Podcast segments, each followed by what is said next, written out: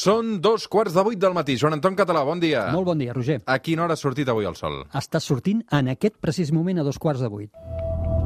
3, 2, 1, seganya!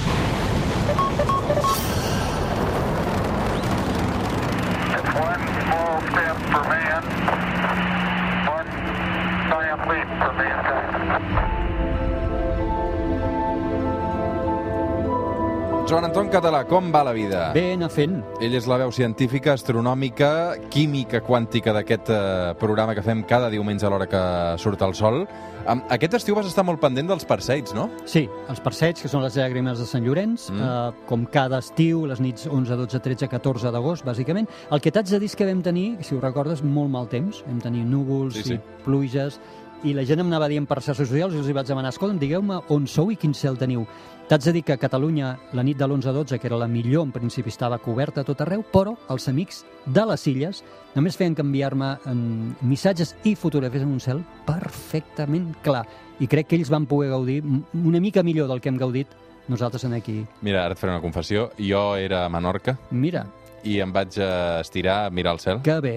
però no vaig tenir Què sort. dius? No vaig Roger? tenir sort, no vaig tenir sort. Vull dir, vaig estar una estona allà, però no... no. Quanta estona? Recorda la paciència, eh? S'ha de tenir paciència. Sigui, no més de... No més de 10 minuts i... Home, és poquet, És això, poquet, eh? És poquet. Poca paciència, eh? Jo crec que sí. Ara un cel que no es veu, eh, aquí. Molt bé, sí. Un cel que no es veu a casa nostra. Són, són afortunats. Els llocs que tenen aquest cel són molt afortunats. Jo esperava que comencés la pel·lícula, però no... No. Es veu que no, es veu que no. Uh, ara m'explicaves, està sortint el sol en aquest precís moment, a dos quarts de vuit del matí. Per què? Què passa? Que cada dia tenim menys hores de llum, no? Sí, sí, sí, sí. Ara ja el dia s'escurça i ho anirem notant ràpidament. Ens estem apropant, diríem, al, a l'equinoxi de tardor. Doncs avui el que farem precisament amb el Joan Anton Català és explorar la llum.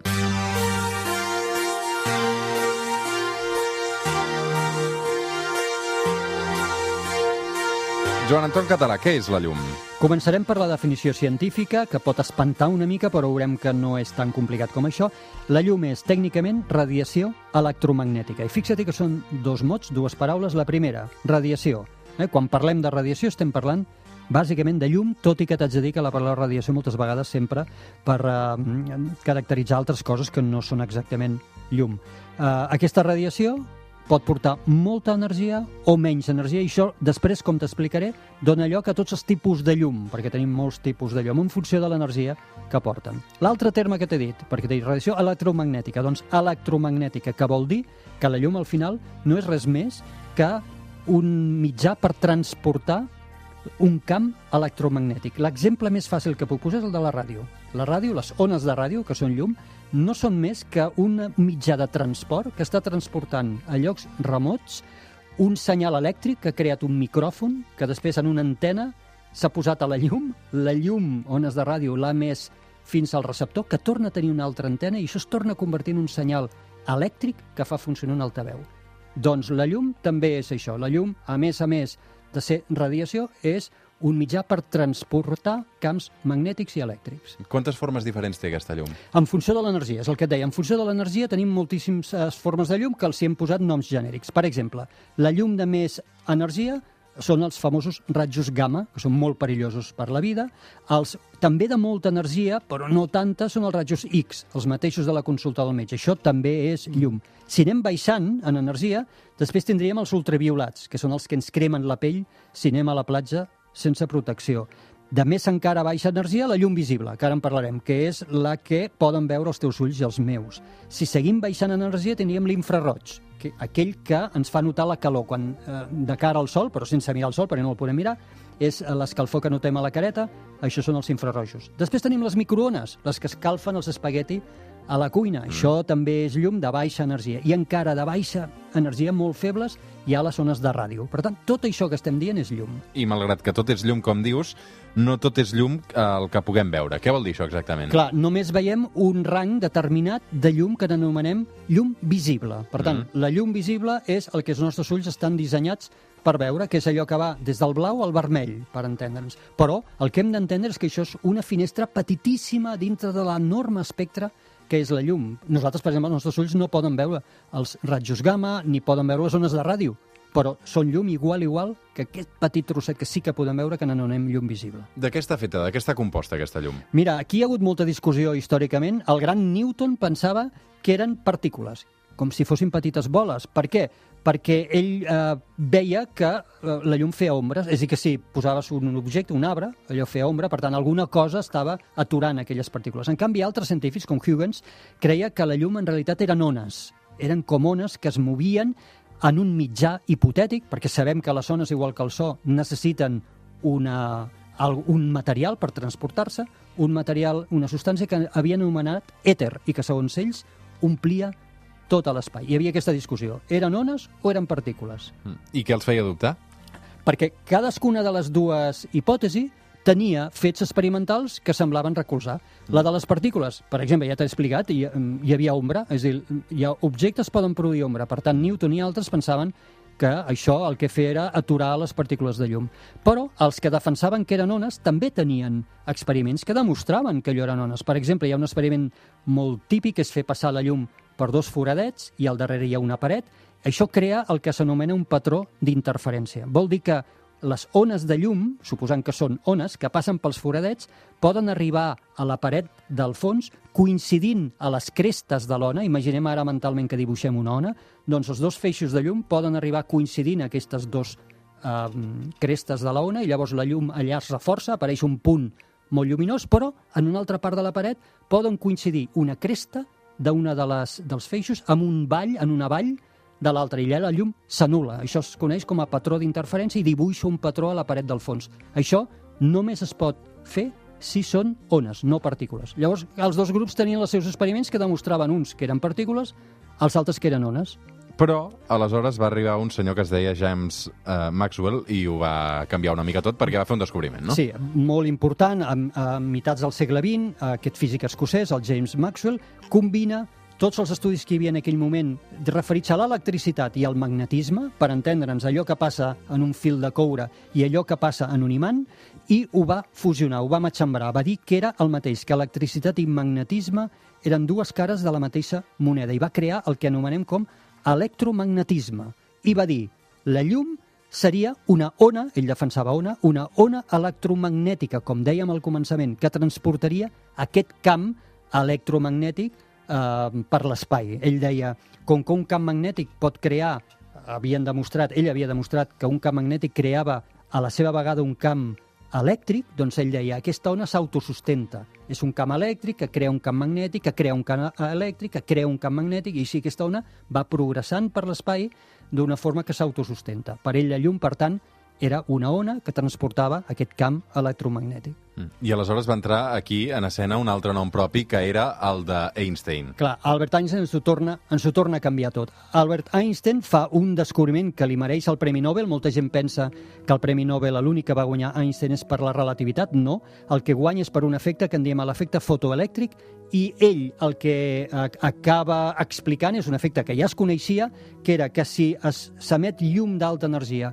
contra un metall, contra certs tipus de metall, es pot produir corrents elèctriques. I això vol dir que aquell feix de llum el que està és desplaçant electrons de la matèria. Què vol dir?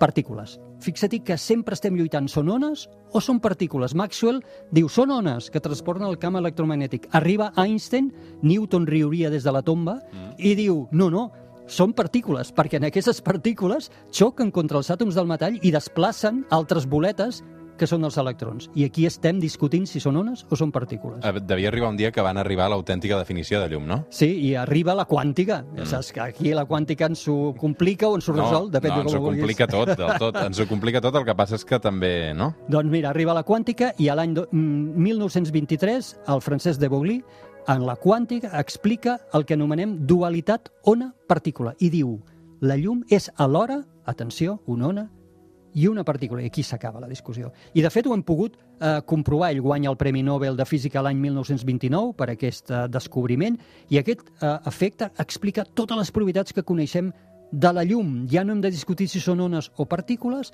és alhora una ona i una partícula. Aquesta dualitat que anomenem. I, per tant, podem emplear, per, per descriure la llum, depèn del que vulgui, vulguem fer, podem emplear fórmules que dedicaríem a estudiar les zones, les podem aplicar perfectament a la llum, o fórmules que dedicaríem per explicar partícules. En funció del que ens interessi més, podem aplicar unes o les altres i les dues funcionaran. I les dues ens explicaran totes aquestes propietats que té la llum. Per cert, les partícules de la llum s'anomenen fotons.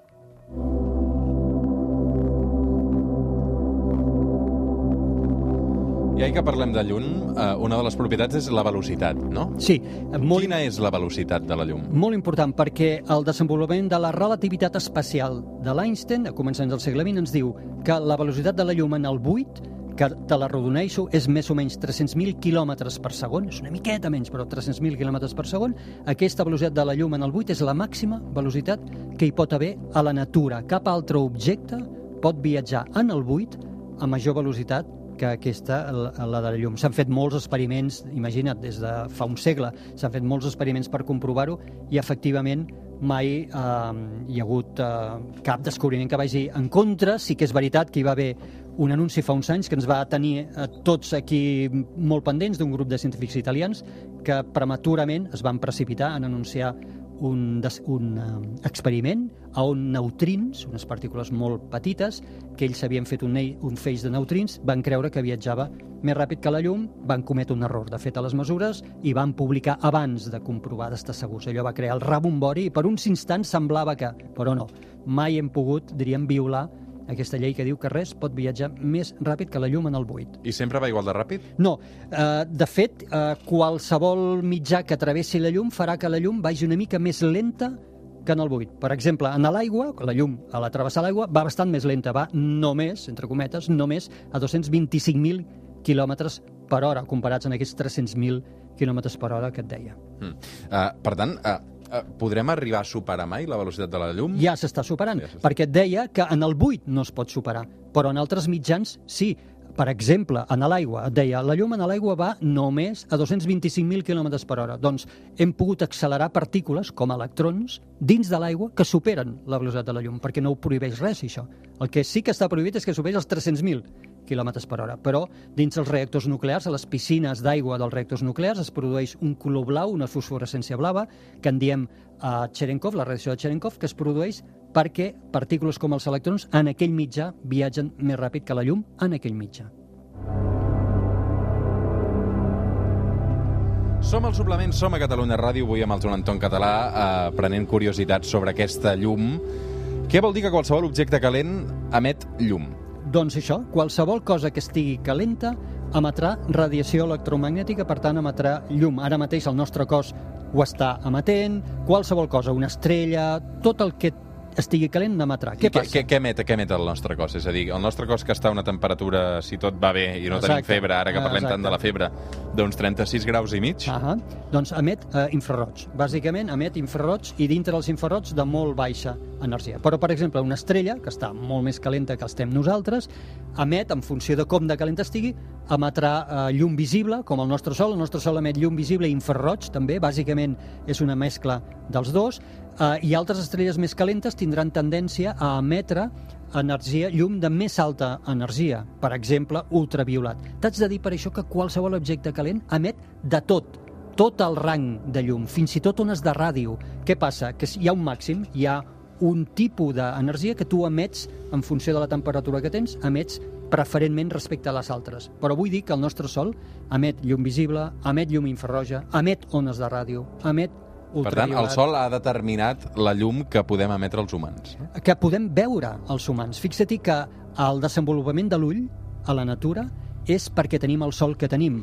És un ull que la natura ha dissenyat perquè puguem veure el que anomenem llum visible. Però ara imagina't que el nostre sol hagués estat un objecte molt més fred i que en lloc d'emetre majoritàriament amb llum visible infraroja hagués emès amb microones o hagués emès en ones de ràdio. Els nostres ulls, segurament, si existíssim, si existís la vida a la Terra, la natura hauria dissenyat uns ulls que podrien veure en microones o veure amb ones de ràdio. Nosaltres veiem en llum visible no perquè la llum visible tingui res d'especial, sinó perquè és la llum que majoritàriament emet el nostre sol, per tant és natural que la natura ens hagi fet així. Mm.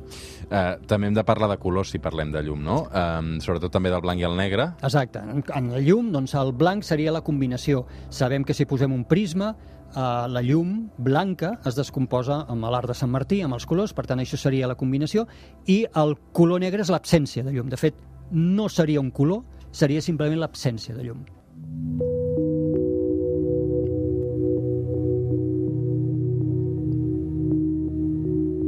Joan Anton, alguna vegada m'ha explicat que la llum és el missatger de la natura. Què vol dir això? que ens porta imatges de la natura, per tant, dades de la natura i sobretot dades del passat. Tu ara en mi m'estàs veient com jo era fa apenes uns nanosegons, el temps que tria la llum en retornar la meva cara i entrar al teu cervell. I això és perquè doncs, la llum, com hem dit, la seva velocitat no és infinita, és molt alta, és altíssima, però és la que és. Què vol dir? Que quan mirem objectes que estan més lluny que tu i jo, les estrelles, els planetes, les galàxies, la llum ha trigat molt de temps en recórrer-les. Per tant, ens estan portant imatges del passat. La llum sempre ens porta coses que van ser i que potser ja no són. I això també és quan tu aixeques la vista al cel, ara deies a Menorca, que he mirat al cel, doncs estaves veient imatges del passat. Estaves mirant un cel que et porta objectes que van emetre la seva llum fa anys i que aquell dia que tu estaves mirant el cel buscant fugisseres, aquell dia, aquella llum que havien emès a lo millor fa 2.000 anys o 1.500 anys van arribar als teus ulls. La gravetat pot arribar a desviar aquesta llum? Ho fa. Això també ho havia dit Einstein. Einstein, la teoria de la relativitat general, en aquest cas d'Einstein, ens va dir que la llum també és afectada per la gravetat, i ho és, i això ho hem pogut demostrar moltíssimes vegades, un efecte que, per altra banda, no es podria, no quadraria amb res en la física clàssica, amb la física newtoniana, i en canvi sabem que, que existeix. La gravetat és capaç de desviar la llum. I hi ha una cosa curiosa que va passar uh, fa poc i és que es va trobar una bombeta de fa 77 anys, Sí, no? això ho vaig trobar, buscant informació, vaig trobar que als Estats Units havien trobat un lloc, una habitació, que sembla que havia estat tancada durant moltíssim temps, des del temps de la Gran Depressió dels Estats Units, i hi havia una bombeta encesa que portava això, 77 anys encesa. Tu t'imagines? No sabia fos. No, i van... ah, Ja m'agradaria saber la No hi marca. havia obsolescència programada aquí. No, eh? ja m'agradaria saber la marca d'aquesta bombeta, perquè és allò que dèiem que les coses abans es feien Sí, sí. per durar. Fixa't-hi, van calcular la factura de llum. La factura de llum equivaldria a uns 17.000 dòlars. Mm. Home, 77 anys, què vols? Sí, no sé de quina potència era, però bueno, anava consumint, anava consumint. És increïble eh, que encara funcionés 77 anys. Home, i 77 anys sense tancar-la, no? Ni, ni una avaria, ni... ni... Res. No van saltar els ploms. No, res, vés a saber quin edifici era, quina habitació era, no, no sé exactament què era, però la notícia va, va saltar, sí. Mm -hmm. uh, doncs amb aquesta imatge curiosa um, acabem. Uh, fem un cop d'ull al cel. Què hi passarà aquesta setmana si aixequem la vista, Joan Anton? Igual que l'anterior, seguim tenint Saturn i Júpiter i Saturn dominant la primera part de la nit en direcció sud, però cada cop, cada cop, cada nit que passa, Mart és més i més i més brillant. Ja el tenim molt brillant, brillant a la segona part de la nit i cada cop ho farà més, en un color ataronjat molt fort que quasi igualarà a Júpiter en unes setmanes. En parlarem molt d'aquesta llum de Mart. Joan Anton Català, un plaer, com sempre. Igualment, gràcies, Roger. Fem una petita pausa i ara tornem.